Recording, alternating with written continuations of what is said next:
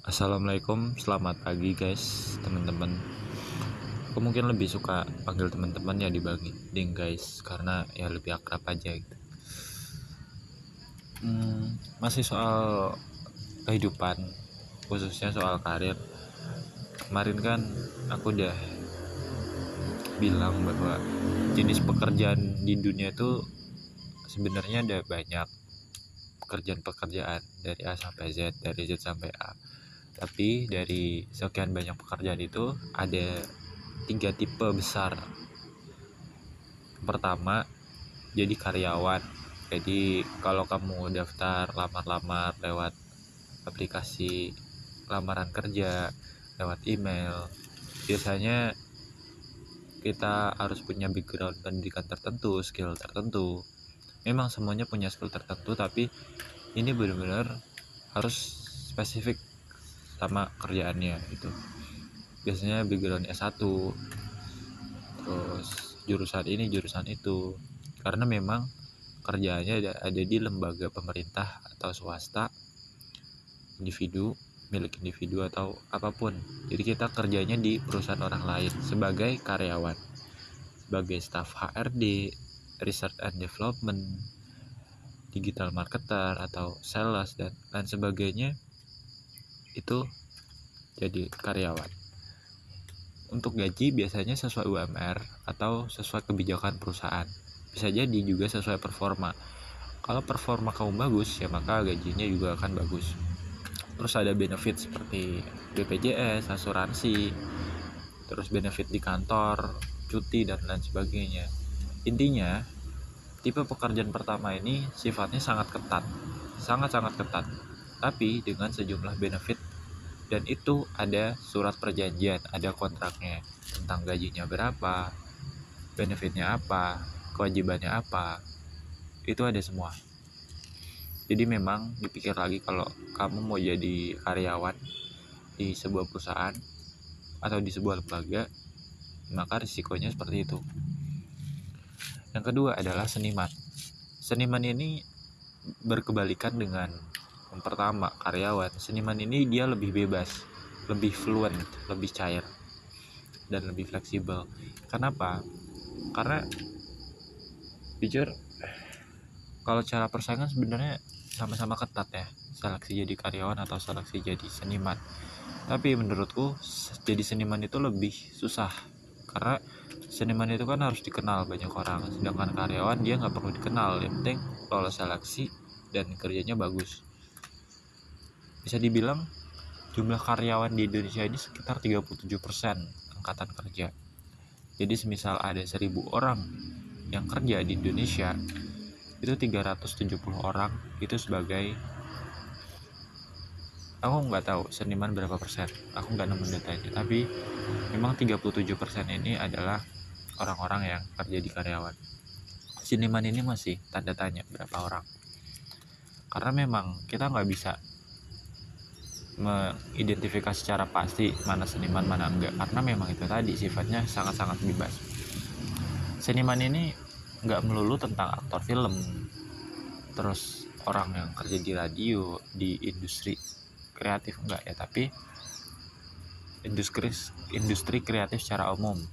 Bahkan komedian pelawak stand up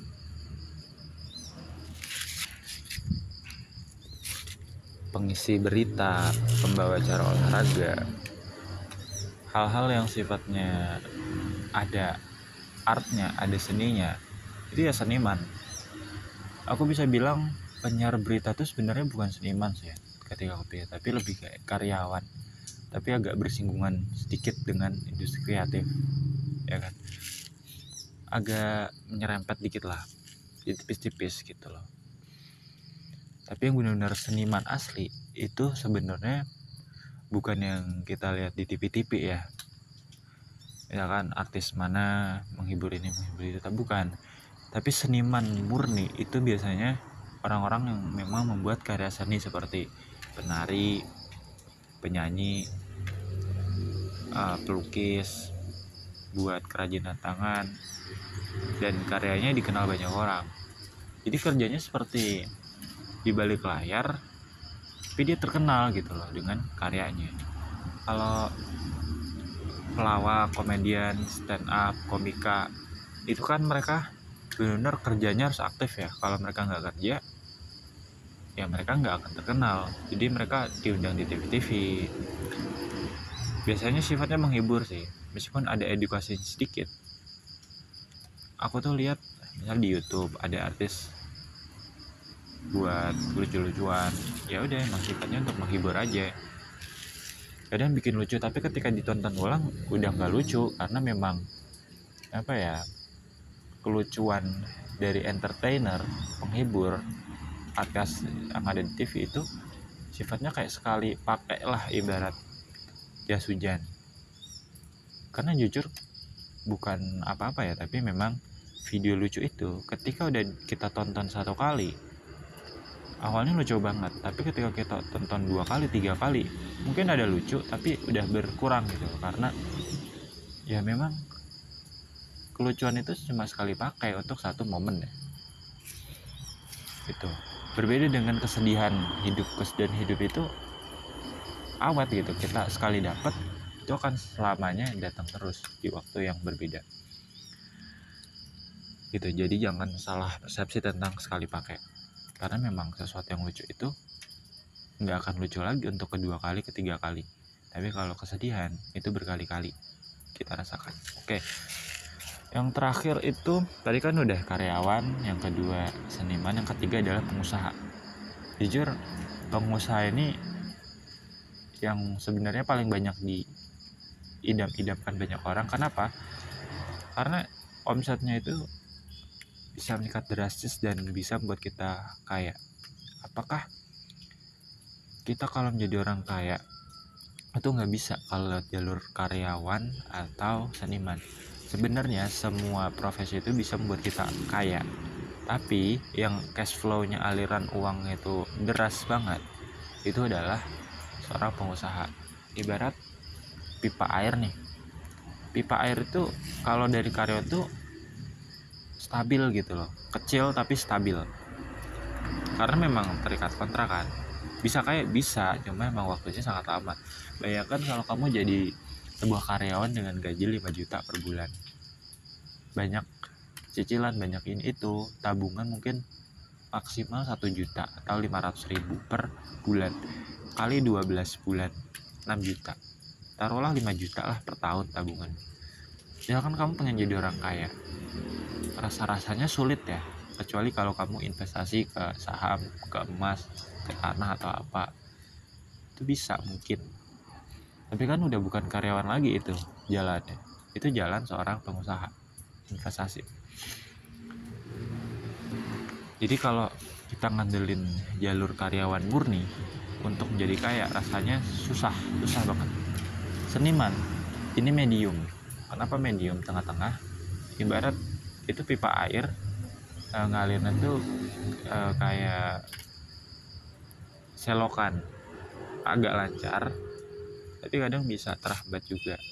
Karena seniman itu kan ada yang terikat kontrak ada yang memang freelance sifatnya freelance tuh kayak dibutuhin aja datang dibutuhin aja datang. Kadang juga nggak ada panggilan sama sekali. Sehingga seniman tuh kadang harus nyari jalur lain pet lain seperti buat karya sendiri terus diupload di YouTube buat acara sendiri.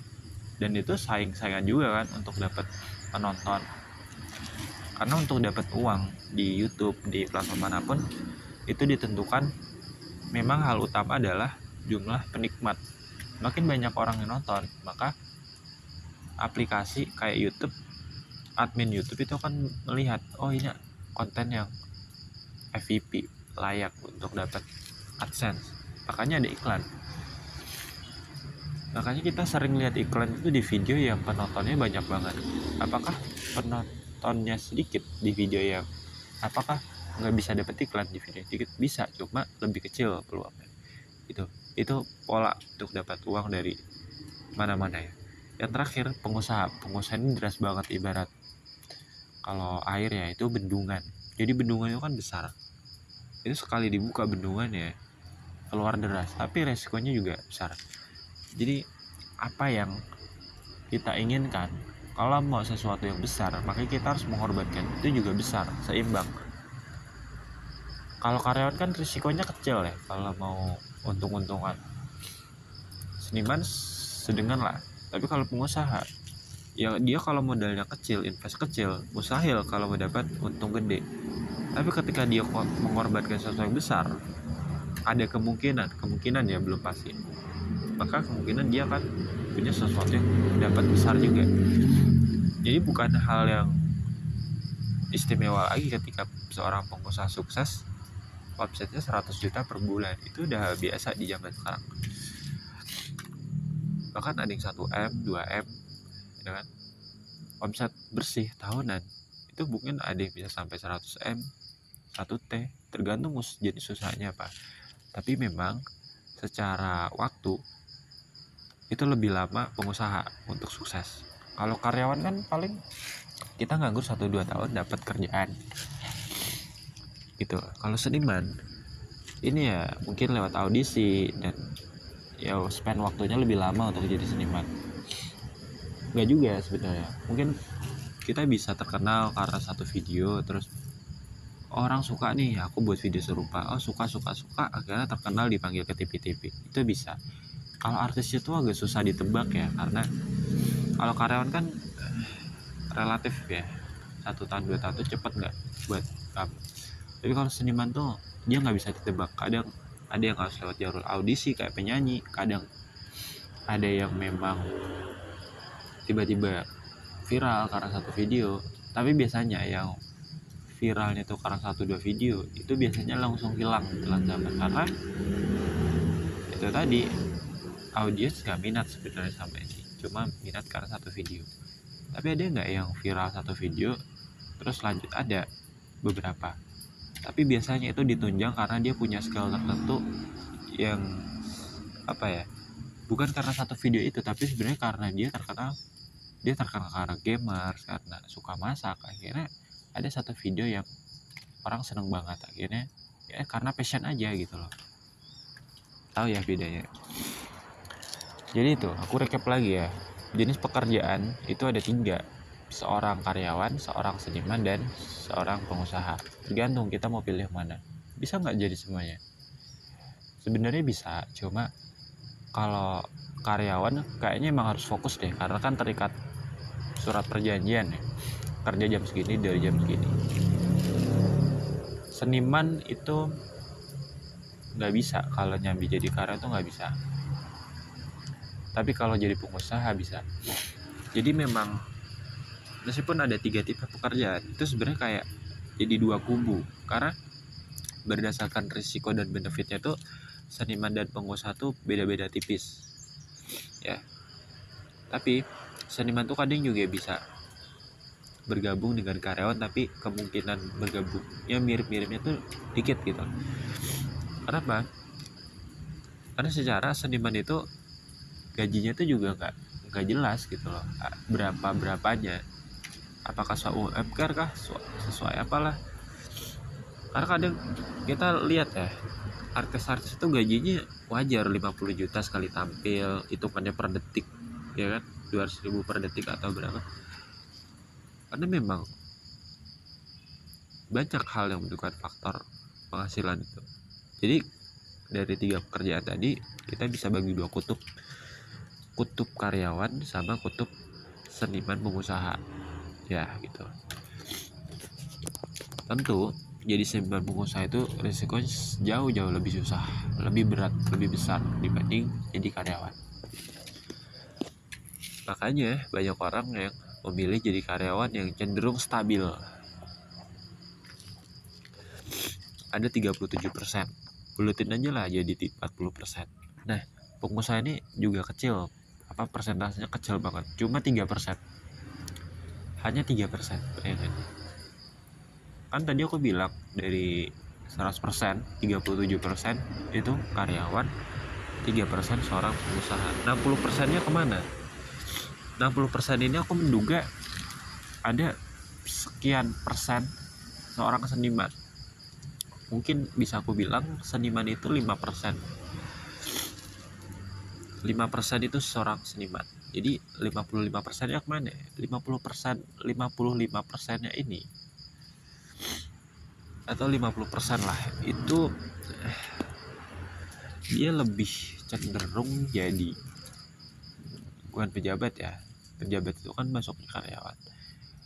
Dia uh, mungkin dan lain-lain ya kerjaannya. Kayak misalkan buruh serabutan ini mohon maaf ya. Buruh serabutan petani peternak pokoknya kerjaan-kerjaan yang sifatnya mengandalkan alam. Itu mengandalkan alam terus mengandalkan uh, alam tuh kayak petani. Petani itu kan mereka butuh alam langsung kan buat nanam butuh tanah. Nelayan mereka butuh laut untuk dapat uang. Pokoknya hal-hal yang gak termasuk tiga tadi. Seniman mungkin 10% pengusaha 3% terus karyawan 37% 50% itu dan lain-lain. Oke kita rampung ya bahas ini jadi pekerjaan. Sekarang aku mau bahas yang lebih dalam itu tentang makna dari setiap pekerjaan itu. Semalam itu aku tiga jam pak ya nonton video artis-artis. Mungkin bisa aku spill namanya yang itu udah viral. Ada Kates ya Catherine Olivia terus Nita Fior sama Maiden itu sebenarnya nama panggung teman-teman bukan nama asli. Nama aslinya bisa dicari. Dan mereka semuanya gamers. Jadi berawal dari gamer Mobile Legend. Uh, tapi mungkin mereka mulainya beda-beda ya. Mungkin lebih dulu. Maiden terus Kates mereka berteman. Katanya. Dan terakhir adalah Pion mereka tuh sering dianggap geng. Bukan gangster ya tapi itu kayak sebuah kelompok bocah-bocah kosong. Mungkin brandingnya seperti itu tapi kalau aslinya seperti apa aku kurang begitu paham. Karena aku nggak mau menghakimi seseorang hanya melihat apa yang aku lihat di yang aku lihat semalam gitu. Jadi mereka bertiga ini cukup lucu tapi ketika aku lihat ulang itu tadi kadar kelucuan itu udah berkurang namanya artis itu kan mereka punya dua kepribadian ya maksudnya kepribadian personal sama profesional. Ketika di depan kamera ya mereka harus sesuai arahan sesuai apa yang audien minta yang audien mau. Kalau mereka harus lucu ya lucu. Mereka ngelawak ya ngelawak. Sama, sama seperti tiga orang tadi bocah kosong ya mereka harus membranding. Ketika di depan kamera mereka harus seperti bocah kosong sekalipun bisa jadi di real life mereka sebenarnya pintar biasa-biasa aja gitu. Ya kan? Karena banyak hal yang nggak nggak diungkap oleh mereka di kamera. Dan mereka juga punya kehidupan pribadi yang orang lain atau netizen nggak nggak boleh tahu nih gitu loh. Ya gitu. Tapi kadang netizen tuh suka menghakimi dan mengait-ngaitkan kehidupan profesional dengan personal karena sebenarnya itu beda jauh. Mungkin aku lebih kayak membahas kehidupan personal ini udah lepas dari tiga orang tadi ya. Aku membahas secara umum aja secara general. Ternyata artis-artis itu mengalami masalah yang banyak banget yang rumit. Mulai dari gaji yang enggak turun-turun gitu loh. Mungkin ditahan-tahan. Atau udah dibayar tapi nggak full 100% atau cuma bayar DP nya aja itu ada. Ada banyak artis yang kayak gitu. Cuma emang mereka nggak mengungkapkan ke publik untuk apa. Mungkin untuk jaga nama baik uh, instansi atau lembaga yang mereka kerja di situ. Karena kan biasanya terikat kontrak kan. Gitu. yang kedua rekan kerja yang secara personal mereka nggak suka. Banyak ya kayak gitu. Tapi karena ini udah terikat kontrak mau nggak mau mereka harus kerja bareng kan. Di depan kamera mereka harus terlihat akrab. Meskipun di belakang kamera nggak baik-baik aja. Coba deh nonton di aplikasi video uh, Besti. Judulnya Besti. Video original. Besti 2 ya. Itu menggambarkan seorang kalau nggak salah Kiara. Orang Kiara dia artis punya pacar namanya Vian. Vian ini orangnya toxic banget laki laki yang toxic. Apa pengen dikabarin apa apa pengen dipuja-puja. Tapi Kiara ini nggak seneng. Gitu. dan mereka terikat kontrak jalin hubungan. Kiara ini pengen putus karena ketoksikan si Vian ini. Nah begitulah artis resikonya ada paparazzi. Paparazzi itu mungkin orang yang sembarangan foto untuk menyebarkan rumor-rumor desas-desus makanya sering ya kita lihat artis-artis. Artis ini dikabarkan meninggal artis ini dikabarkan selingkuh dan sebagainya. Makanya banyak banget artis yang selalu melakukan klarifikasi klarifikasi.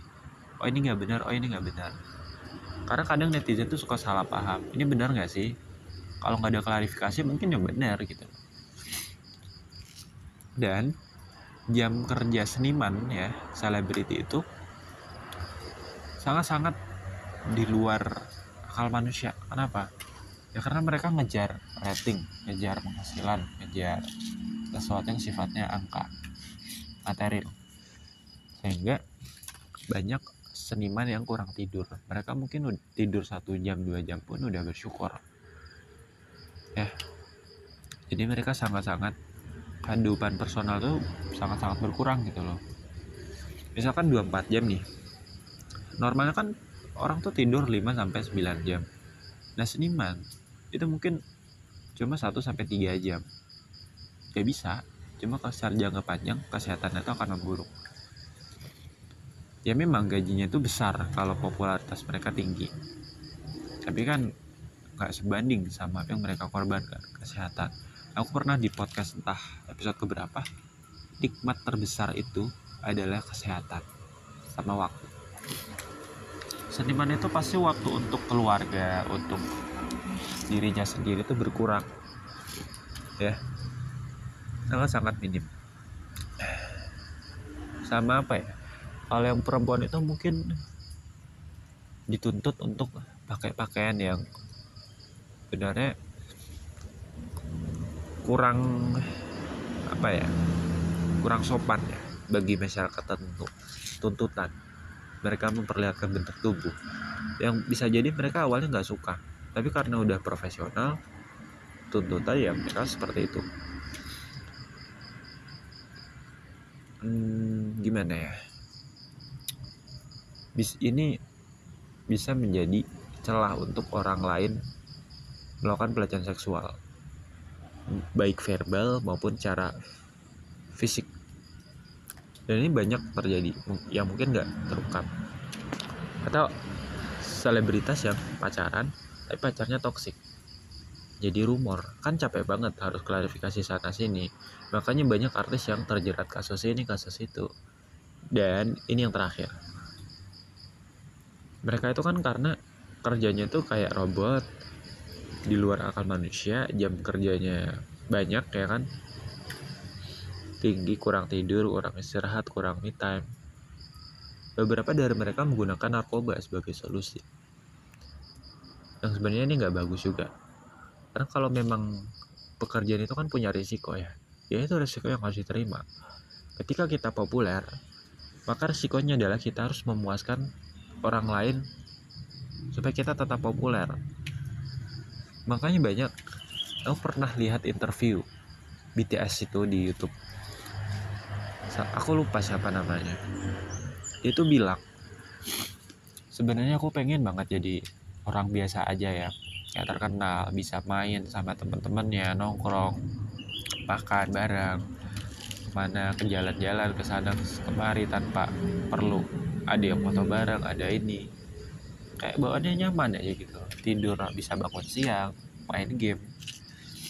Ya kan? Jujur banyak artis bilang seperti itu. Gak cuma BTS ya tapi siapa pun band apa pun artis apa pun. Mereka pengen jadi seperti orang biasa yang hidupnya nggak terkenal gitu. Coba kita balik deh. Mumpung kita belum seperti mereka kita pikir-pikir lagi. Pekerjaan seperti apa kita mau jadi orang seperti apa secara luas. Karena ketika ada beberapa hal yang ketika kita udah terjun kita nggak akan mundur lagi. Kita akan terus nyemplung. Ya kan?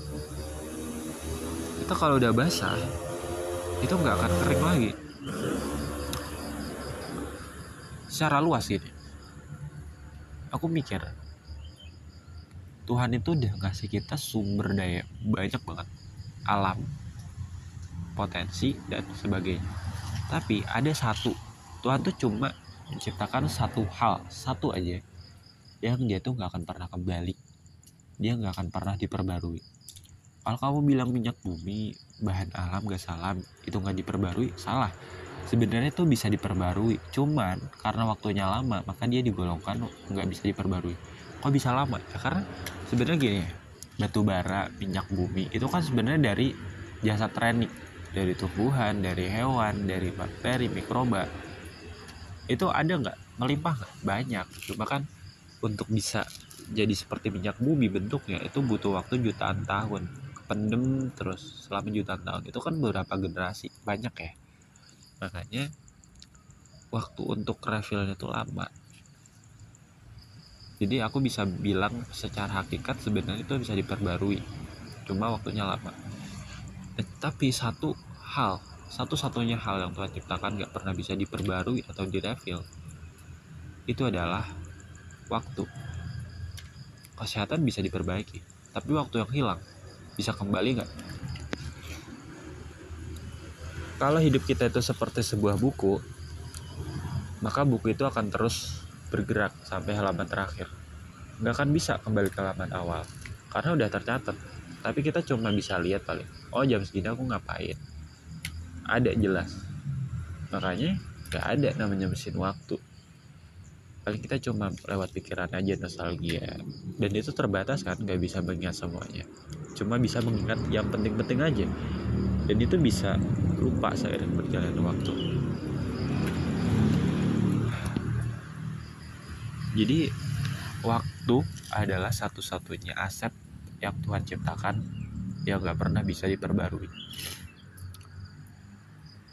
Waktu itu uh, gampangnya umur kita sendiri, ya umur kita sendiri. Kalau waktu kita habis, artinya kita mati. Ya gimana ya? Karena umur itu sebenarnya diri kita sendiri. Ya kan? Ini menarik.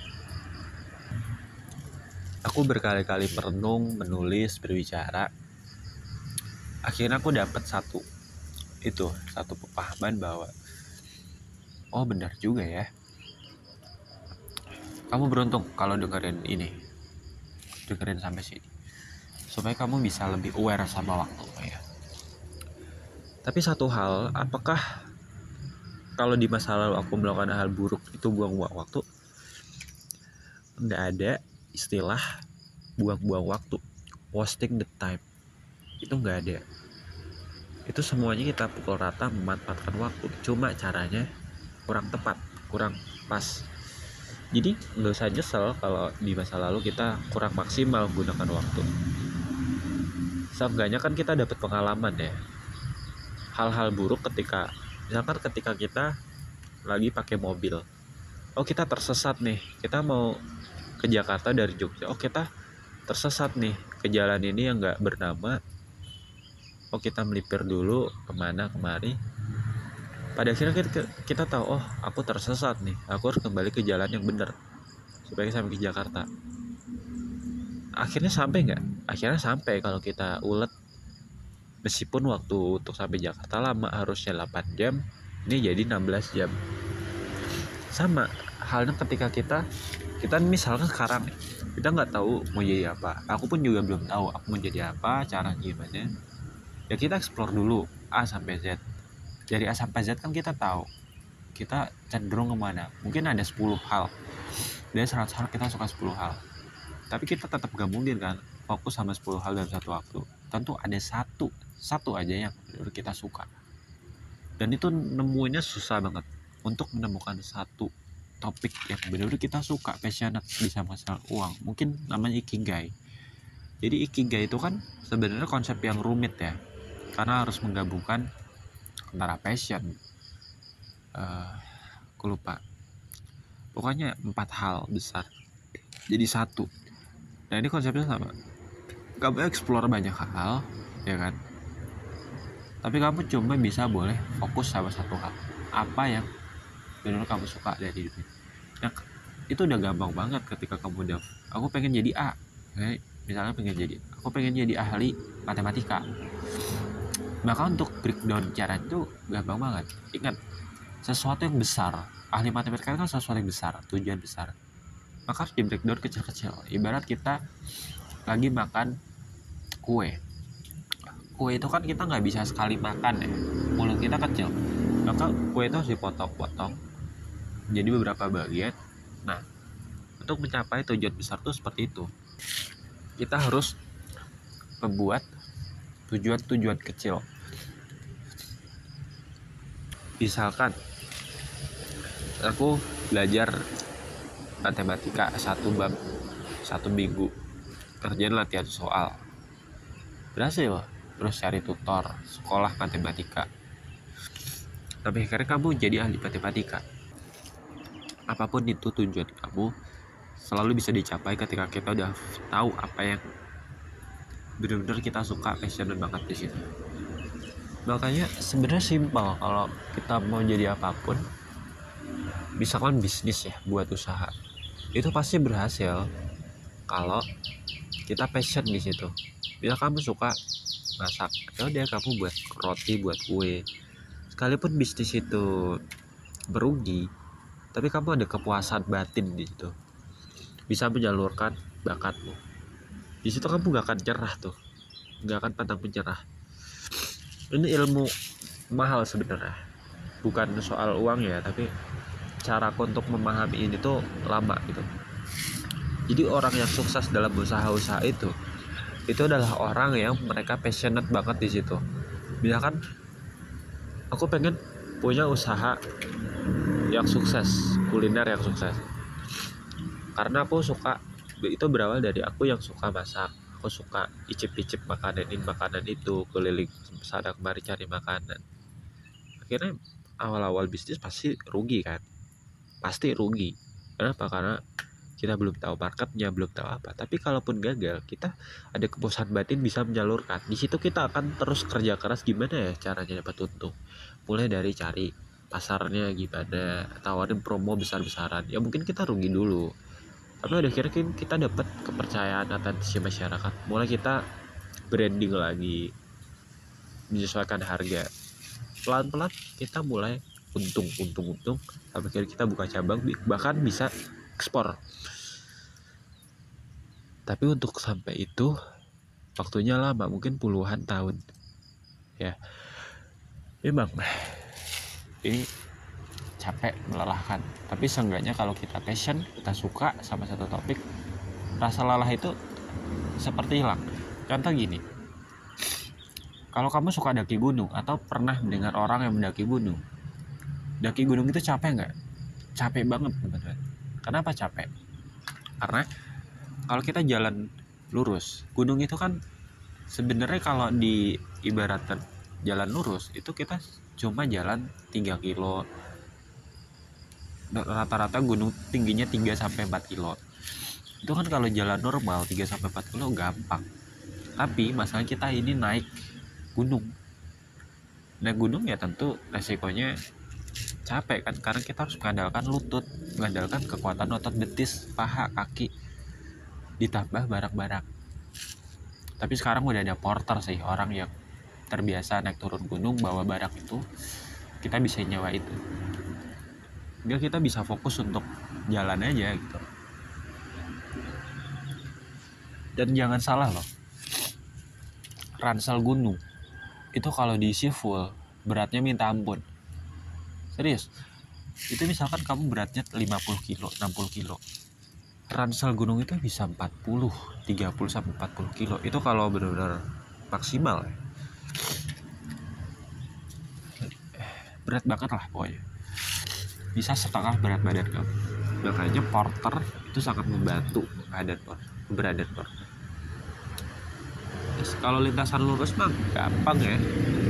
3 kilo 4 kilo tapi masalah kita naik gunung. Capek nggak? Kadang kita harus istirahat di pos-pos tertentu ya kan? Dan ada patangan-patangan tertentu. Kita nggak boleh buang air sembarangan. Harus ada adab ya kan? Tapi ketika udah sampai puncak gunung ya kan? Sampai puncak gunung itu semua capek itu rasanya hilang. Serius. Dan misalkan naik gunung itu 10 jam tapi turunnya tuh cepat banget teman-teman mungkin cuma 1 sampai 2 jam atau 3 jam. Karena memang turun kan lebih kayak relax kan. Cuma tinggal hati-hati kalau ada jalan yang licin. Makanya di gunung itu sebenarnya suasananya tuh asri banget. Asri. Seger. Karena memang aturan itu nggak boleh ada bangunan di puncak gunung kalau warung yang bahannya kayu mungkin nggak masalah tapi kalau bangunan pakai cor pakai beton itu aku pikir nggak boleh. Aku belum pernah tuh nemu satu rumah yang ada di puncak gunung. Belum ada. Nah, mungkin tower itu ada untuk alat bantu kan tapi kalau rumah yang benar ada orangnya belum ada sih.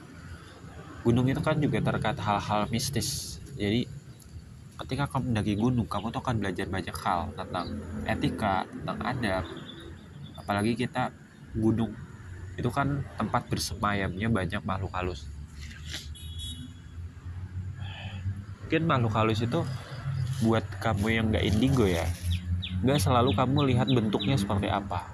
Aku tuh selalu mikir apa yang orang sebut pocong kuntilanak tuyul genderuwo dan sebagainya itu sebenarnya adalah sesuatu yang dilihat oleh anak indigo. Tapi kita nggak bisa lihat bentuknya seperti apa. Tapi kalau kita melakukan sesuatu yang aneh ya kan di gunung gitu yang kita nggak tahu sebenarnya itu dalam tubuh kita tuh kita ngerasa panas berat dan sebagainya. Itu bisa jadi kita kerasukan. Ya, karena memang makhluk halus itu gaib kan kita tuh sebagai ibaratnya medium ibaratnya wadah. Mereka tuh isi. Nah jiwa kita itu ditidurkan sama mereka. Mereka masuk menguasai tubuh kita. Ibarat virus. Virus itu masuk ke sel inang menguasai sel inang. Tapi jiwanya dimatikan. Tapi kalau kalau kita kan coba ditidurin kelelap. Jiwa kita digantikan disetir sama jiwa makhluk halus oke kita beranjak hal lain ya. Jadi gitu teman-teman. Kalau kita passion sama satu topik ya kan maka kita tuh udah nggak mikir capeknya kita udah nggak mikir apa yang udah dikorbankan. Ya kita jalan prosesnya tuh seneng. Sebaliknya kalau kita misalkan kita sukanya masak ya kira disuruh bisnis bengkel bisnis otomotif ya tentu kita malas-malasan kan? Orang kita nggak paham dan ingat setiap minat itu setiap minat kita itu selalu ada pasarnya. Bayangin aku tuh sempat mikir kalau aku bisnis ini buat ini bakal laku nggak ya? Aku mikir gitu karena kan pemikiran aku tuh masih sempit. Oh bisnis tuh ya makanan otomotif jasa dan lain sebagainya. Sebenarnya banyak banget. Jumlah orang di Indonesia ini tuh hampir 300 juta. Dari 300 juta itu masa nggak ada sih yang suka sama minat kita? Hal-hal nyeleneh kayak misalkan kita suka 90-an barang-barang 90-an kan sekarang jarang ya paling cuma lagu atau apa. Tapi ada orang yang suka tuh ada gitu. Misalkan kita suka kita suka bis. Oh bis tuh bentuknya lucu-lucu ya cantik-cantik ya mesinnya. Ada gak ya ada gitu. Kita misalkan suka naik bis. Kalau kita punya uang kita coba bis ini bis itu ke vlog ada gak ya ada gitu. Jadi setiap orang itu punya minat tertentu ada pasarnya ada tempatnya. Cuma nyari tempatnya di mana itu susah gitu ibarat pasar semua minat tuh ada pasarnya ada bagian-bagiannya. Cuma kita harus nemu jalan ke mana jalan ke sini itu lama. Jadi nikmatin aja prosesnya. Bahkan aku sendiri ya jujur aku belum tahu aku mau jadi apa. Aku juga pastinya belum tahu caranya gimana untuk mencapai itu dan pengelolaannya gimana. Jadi aku masih belajar skill tuh random aja dari A sampai Z. Gitu. Jadi kalau kamu merasa insecure jangan jadikan insecure itu penghambat tapi penyemangat gitu loh untuk kita di lebih hebat lebih baik dari kemarin-kemarin. Dan kalau kita mikir oh kok nasib dia enak ya? Misalkan melihat uh, tiga orang tadi deh si Fior, Ates, Maiden. Aku lagi suka sama tiga orang ini maksudnya bukan cara perasaan pasangan ya tapi lebih kayak aku suka karya-karyanya dan kalau kita suka sama seseorang misalkan seleb itu sukain sukalah sama karya-karyanya. Jangan sama personalnya karena ketika personal itu misalkan mohon maaf ya misalkan narkoba karena kasus ini maka kita akan kecewa. Kita akan fanatik ya kan? Kita akan bela-belain dia. Contoh aku cukup menyayangkan ketika fans BTS atau fans apa pun itu itu ketika si yang diidolakan ini punya salah mereka bela-belain fanatik dan menjelek-jelekan saudara-saudara mereka teman-teman mereka. Aku menyayangkan banget karena orang yang kita idolakan itu itu mereka manusia biasa juga kan. Cuma bedanya dia idola kita orang biasa. Mereka karyanya keren. Ya udah kita kagum itu wajar. Tapi ketika kita udah sampai ranah personal nih kan banyak tuh orang-orang yang mohon maaf ya agnostik, ateis, gak punya agama, dan sebagainya. Tapi karya-karyanya bagus. Ya udah kita kagumi karya-karyanya. Jangan sampai ke ranah personal. Karena kalau mereka berbuat salah kita akan kecewa. Atau ketika dia bersalah dia kita belain fanatik. Belain secara fanatik.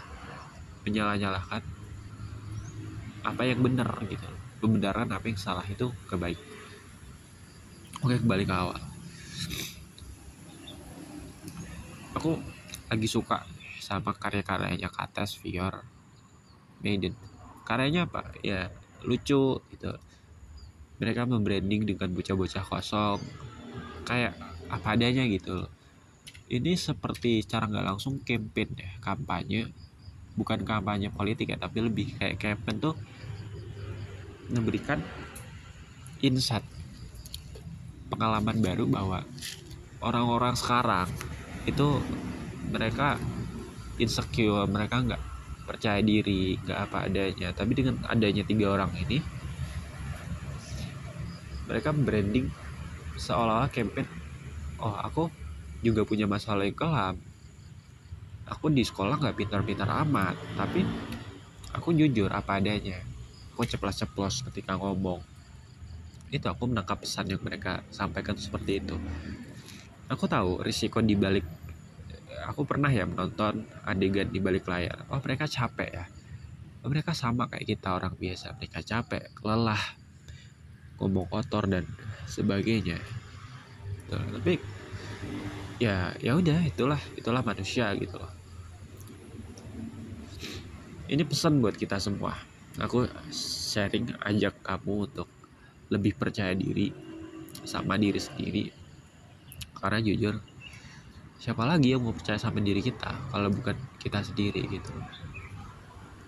Dan terakhir terakhir sebelum aku tutup podcast ini uang kita mungkin bisa membeli apa aja materi. Misalkan seperti rumah mobil motor jam tangan maaf ya kalau suara aku tuh agak kurang stabil karena ini tuh kemarin habis hujan berjam-jam. Terus pagi-pagi itu turun kabut. Dan itu kabutnya itu bikin aku pilek. Tapi kalau kabutnya udah hilang bakal normal. Oke balik lagi ya ke awal. Uang itu memang bisa membeli apa pun yang terkait harta dunia. Kita bisa beli rumah kendaraan aset properti perhiasan atau apa pun yang kita inginkan. Yang biasanya tersedia di e-commerce di pasar-pasar. Kita bisa. Kita bisa membeli sesuatu yang kita mau. Tapi masalahnya kita nggak punya waktu untuk menikmati itu semua yakin deh. Kamu nggak usah beli barang mewah deh. Kamu coba lihat apa yang kamu punya. HP terus rice cooker kompor gas motor. Itu kamu udah memaksimalkan potensi mereka belum? Aku rasa belum. Uang memang bisa membeli apa pun yang terkait harta duniawi. Tapi dia nggak bisa membeli waktu kebahagiaan kesetiaan. Banyak loh orang yang selingkuh pada luangnya banyak. Ibaratnya gitu kita memang bisa beli kasur yang empuk mewah berkualitas premium. Tapi kita nggak bisa membeli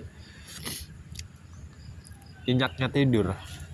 Kita nggak bisa karena kita bisa jadi mikir oh aku bisa harus ke sini ke situ. Ada nggak orang yang ya kasurnya dia nggak punya kasur dia cuma di atas karpet kasar ya kan lusuh mungkin bau tapi dia bisa tidur nyenyak kayak bisa gitu kita mungkin bisa membeli makanan mewah kayak McD, KFC tapi kita bisa nggak membeli kesyukuran atas makanan tersebut. Oh aku bersyukur nih udah makan enak rasanya nyaman. Mungkin enggak kita mungkin bisa membeli barang-barang yang rata-rata orang suka misalkan perhiasan boneka.